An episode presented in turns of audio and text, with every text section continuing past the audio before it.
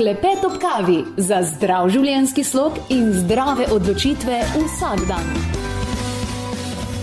Se tudi vam dogaja, da ste zaspani po dnevi in po noči lačni, da delate pozno v noč? Narobe svet bi temu rekli ponekod. In to je raziskovalka dr. Patricia Wong iz Univerze v Pittsburghu poimenovala kot družbeni jet lag.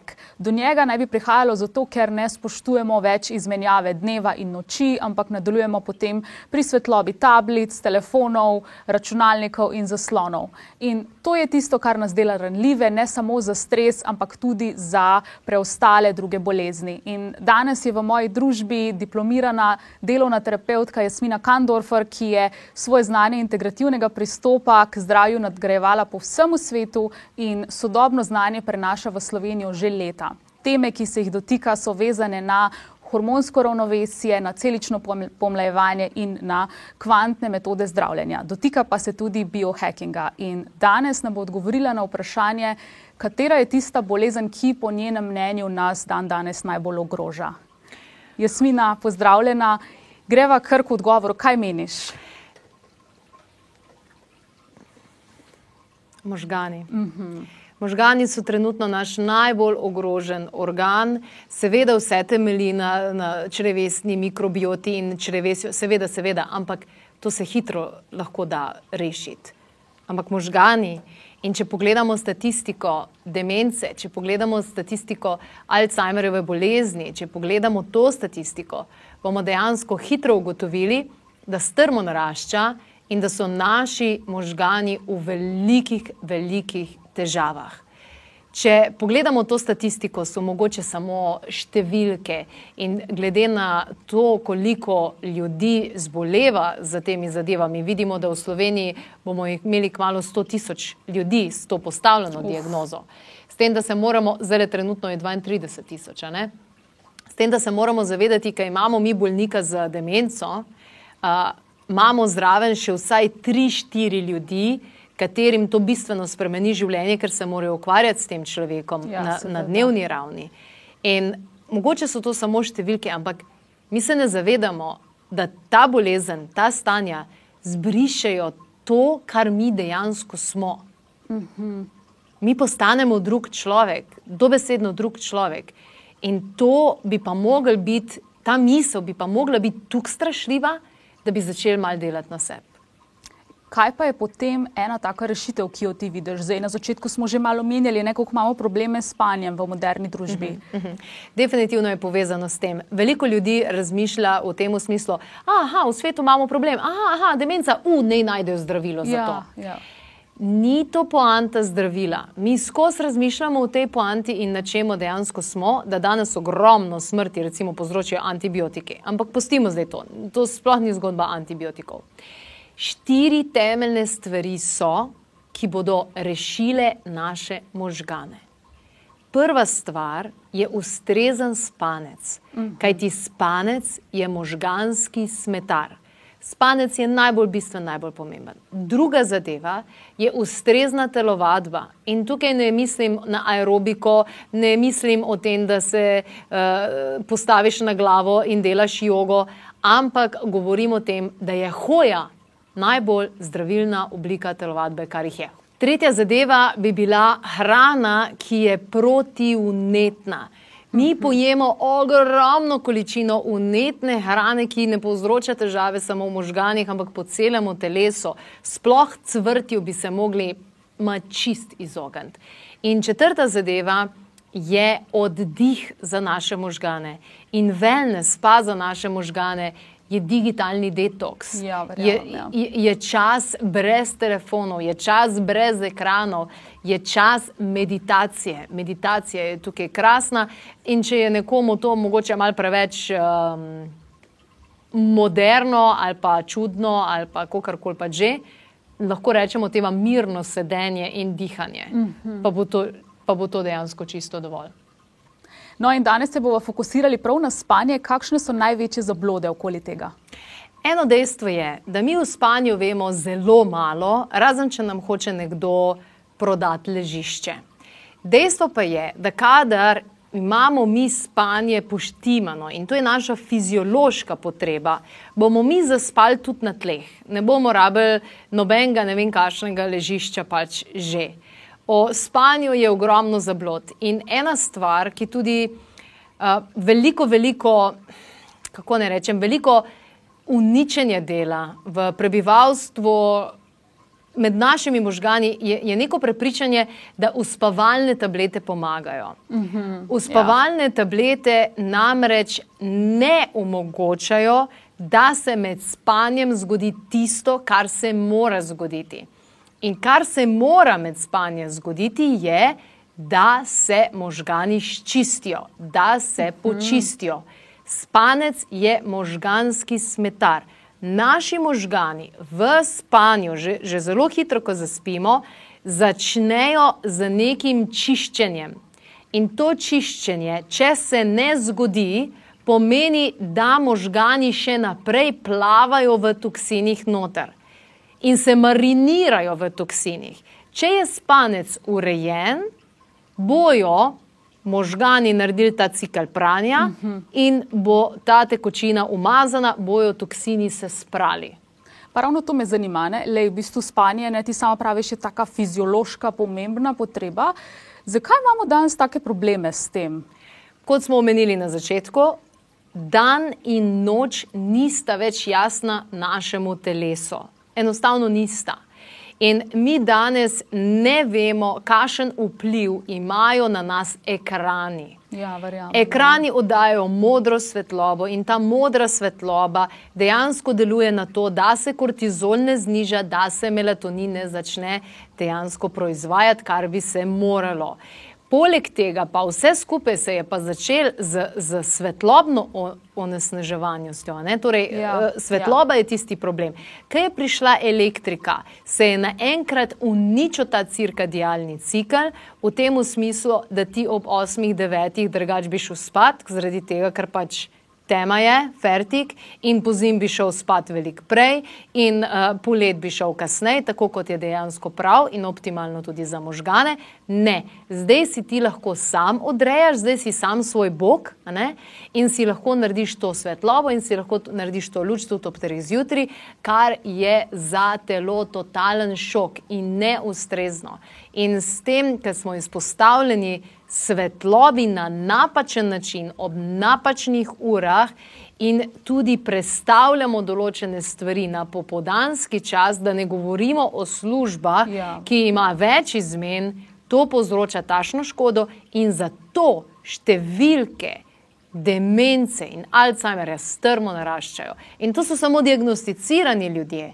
Kuk pa imamo mi ljudi, ki vidimo, da jim možgani ne delajo, pa ja. nič ne naredijo za to, pa, pa rečejo, ne, se sem star šele, ne vem, 40 let, se sem star šele 50 let, demenca to imajo oni pa 80. Ja, ja. Pa dejansko nič ne naredijo. Ne? In kuk koliko družin se krega zaradi tega. Ker te ljudje se po, potem po, po, običajno zelo, zelo branijo, njihov karakter se spremenja, postanejo bolj agresivni dejansko. Zaradi tega, ker tudi na možganski ravni prihaja do tega, da, da, da hormoni se ni, ni v ravnovesju. Zdaj, seveda, verjamem, da bolj ko smo ozaveščeni, lažje si lahko potem pomagamo. Ne? Kaj bi ti rekla, da so tiste neka dejstva okoli spanja, da bo nam lažje?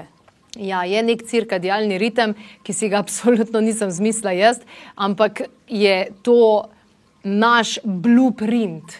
To je naš način uporabe. Mhm. -huh. Tvoja najljubša barva je lo zelena, moja je pa recimo modra. Mhm. -huh. Ampak mi dve imamo obe, dve roke, dve nogi, glavo, trup in obe podobno delujeva, ker živiva na tem svetu. In zato si mi ne moramo zmišljati, jaz sem bolj nočni tip, jaz pa bolj jutranji ja, tip. Ja. Ne, to samo pomeni, da imaš bolj ali pa manj zmatrane hormone in utrujene in zatoksicirane možgane. Torej, za dober spanec je treba začeti že delati zjutraj. In sicer na ta način, da se vstanemo dovolj zgodaj, to je recimo optimalno okrog 6. ure zjutraj, in gremo na svetlobo da imamo vse tisto kavico, ki absolutno ni najbolj primerna zadeva za zjutraj, da imamo vse tisto kavico, vodo, zajtrk, da imamo na svetlobi. preko mrežnice v naših očeh se bo dvignil kortizol na prav nivo in kot orkester uskladil naše hormone. Torej, vsi bodo začeli štartom. Predstavljaj si en orkester, violina začne takrat, bobni začnejo takrat, violončelo takrat. Ne, vsi morajo hkrati začeti, da odpojajo, odigrajo lepo pesem. Isto je z našimi hormoni. Če gremo zjutraj na svetlobo, tudi če to pomeni samo, da smo ob oknu ali pa da odpremo okno, pa gledamo tudi, kadar je deževen dan, potem bomo imeli dober štart. Potem pa čez dan se je pomembno zavedati, da je dopoldan tisti čas za največjo fizično bremenitev in največjo mentalno bremenitev. Potem pa pridemo v popoldanski čas, pustiva zdaj vse druge zadeve, kdaj je stuno tretje. Ja. Ob šestih je zadnji, zadnji, zadnji čas, da zaključimo z delom na računalniku, da zaključimo z ekrani, da zaključimo z vsemi temi zadevami, takimi in drugačnimi. Klepet ob kavi. Ok, torej, preden gremo naprej s tem podcastom in s to epizodo, te želim nekaj vprašati. Kava ali pa energijske pijače ali pa zeleni čaj, a kdaj posegaš po tem? Večina ljudi, da, sama osebno moram reči, da zelo, zelo redko. Dejstvo je, in nočem ti delati slabe vesti, res ti nočem delati slabe vesti, ampak ta zadeva je tukaj razpršena, sploh se ne zavedamo tega. Poživila, mi imamo feeling, da nam poživila dajo energijo in to je totalno slepilo, dejansko nas še bolj izčrpajo. Ta energija, ki jo dobimo, je na nek način kot en kredit. In kot veste, vsak kredit je treba odplačati. In tudi to energijo dejansko plačujemo, ampak ne samo z energijo, ampak s svojim celim zdravjem. In predvsem so nadledvične žleze tiste, ki najebejo, po domače povedan, in trošimo jih, in to dejansko vodi ne samo v burnout, ki je najbolj skrajna oblika, ampak v to. Da pademo v cikl, da potem tudi ne moramo spati, da nimamo fokusa, da je megla v glavi in vse ostale zadeve. Tako da, če hočeš narediti res nekaj zate, zase v tem smislu, valjda, da je čim manj tega, če že ne moreš brez tega. Ne vem, zameni kavo za zeleni čaj, zameni navaden zeleni čaj za beli čaj, oziroma za mačo, ki je perfektna. To so tisti prvi koraki. Drugač pa, da je podpreti, resnično podpreti svoje nadledvične žleze. In pri tem so noro dobri in noro učinkoviti adaptogeni, ki ne delujejo na ta način, kot mi mislimo, kot ne vem, vitaminčki, minerali, ki te pač malo postavijo, malo nahranijo, ampak adaptogeni dobesedno učijo naše telo, naš imunski sistem, ponovno vzpostavljajo ekvilibrium, to je neko naše notranje ravnovesje in zadeva res top deluje. Uh, že sama steklenička, zdaj jo gledam, dejansko kaže, ko kar na baterijo napolni si svoje baterije, ampak to ni poživilo. Je pa, ko kar pri adaptogenih vedno, treba biti potrpežljiv, ker ta zadeva traja torej dlje časa, vse ene tri, štiri mesece, da se postaviš. Ampak potem, ko se postaviš, si bulletproof totalno za vse ostale zadeve, za, za vse viruse, za vse gripe in ne vem kaj, kar hodi dejansko mimo nas. Poleg tega imaš tudi ful boljši fokus, lažje delaš stvari in pa kapaciteto možganov imaš ful, ful, ful boljšo. Tako da ja, fora vsega skupaj je v adrenalkah, predvsem, če veliko delaš, predvsem, če uh, se konkretno odzivaš na ta uh, stres, ki je okrog tebe, ker na koncu koncev gre se samo za to, kako se mi odzivamo. In ja, šli smo dejansko naprej, prešli smo iz tega jamskega človeka, ampak mehanizme imamo še vedno iste. In ta preživetveni nagon se nam vključi vsakeč, ker sploh nismo v življenjski nevarnosti in zaradi tega se mi kurimo. In kaj se zgodi, nikoli ne pridemo v fazo rest and digest zmeri smo v fazi, uh, torej zbeži ali pa se bori, fight or flight. In mi rabimo to fazo, rest and digest, zaradi tega, da prebava dela, zaradi tega, da dejansko se telo vzpostavi nazaj in do tega ne prihaja, ker smo vse čas v pripravljenosti. In nismo, sploh nismo v smrtni nevarnosti. Tako da adaptogeni ti pomagajo, da to nazaj vzpostaviš in da valjda takrat, ko rabiš, da si v akciji, ampak da se lahko tudi spočiješ. Tako da počekiri na klepetopkavi.js. Adrenal napiš in ta kombinacija adaptogenov je torej zato, da te res podpre, da imaš ta prav nivo energije. Je pa še ena druga kombinacija adaptogenov, ki je pa narejena predvsem za žensko pomlajevanje. Tudi to si pogledaj, ker so dosti zanimive zadeve. Klepet ob kavi. Ob 19. uri, torej ob 7. zvečer, je zadnji, zadnji, kot smo rekli, ob 6. torej za delom, ob 7. je zadnji čas, da nekaj pojemo. Potem, kaj bomo delali zdaj od 7. pa do 9. nekje? Ja, lahko beremo, lahko se sprehajamo, lahko prebiramo kakšne zadeve in potem je čas, da gremo v posteljo in da gremo spat. Če bomo to naredili, prvi dan se bomo lovili, drugi dan se bomo lovili, tam do petka se bomo že nekje ujeli, pol se bo pa nekaj zgodil. Vikend. In za vikend si bomo rekli, a ja, ne, se za vikend lahko pa dlje spim. In pademo ja. ven iz ritma. Naše telo nima nedelje, naše telo dela vse čas. In ta ritem, ki ga bomo ujeli z spanjem in z pravočasnim ustajanjem, nam bo pomagal, da postavimo temelje. Kot smo rekli, štiri stvari: prehrana, gibanje, spanje in pa detoks. Ja, seveda, ne, ta digitalni eh, čas je po mojem res tak tihi obejalec v današnjih časih. Neverjetno se pa vsak človek malo lažje odloči, ko vse te stvari sliši, vse jaz. Ne. Ja, malo ampak dobiš ni- tisto spodbudo. Ni, ni, ni, ni lahko. Jaz Ja. ja. vidim na predavanjih, vidim na vikendih za dušo, vidim na meditacijskih vikendih. Ljudje se hočejo skregati z mano, zaradi tega, ker oni ob sedmih se šele usedejo pred televizijo, razumeš? Ja, Ja, ker ja, ja, nimajo ja, prej verjamem. časa za to. In zdaj jaz njim govorim, da, da ne, da oni pa zdaj morajo iti. Ja. Pa prva stvar zjutraj, kaj narediš, roko na srce, večina ljudi pogleda na telefon? Ja. pa pa po Ja. možnosti še kakšne novice ja. začne scrollati. Kaj In pa še le, da greš na svetlobo, tako, tako, ker mi bi mogli imeti zjutraj visok kortizol, da ostanemo iz posle, kasrnce in zvečer nizek kortizol.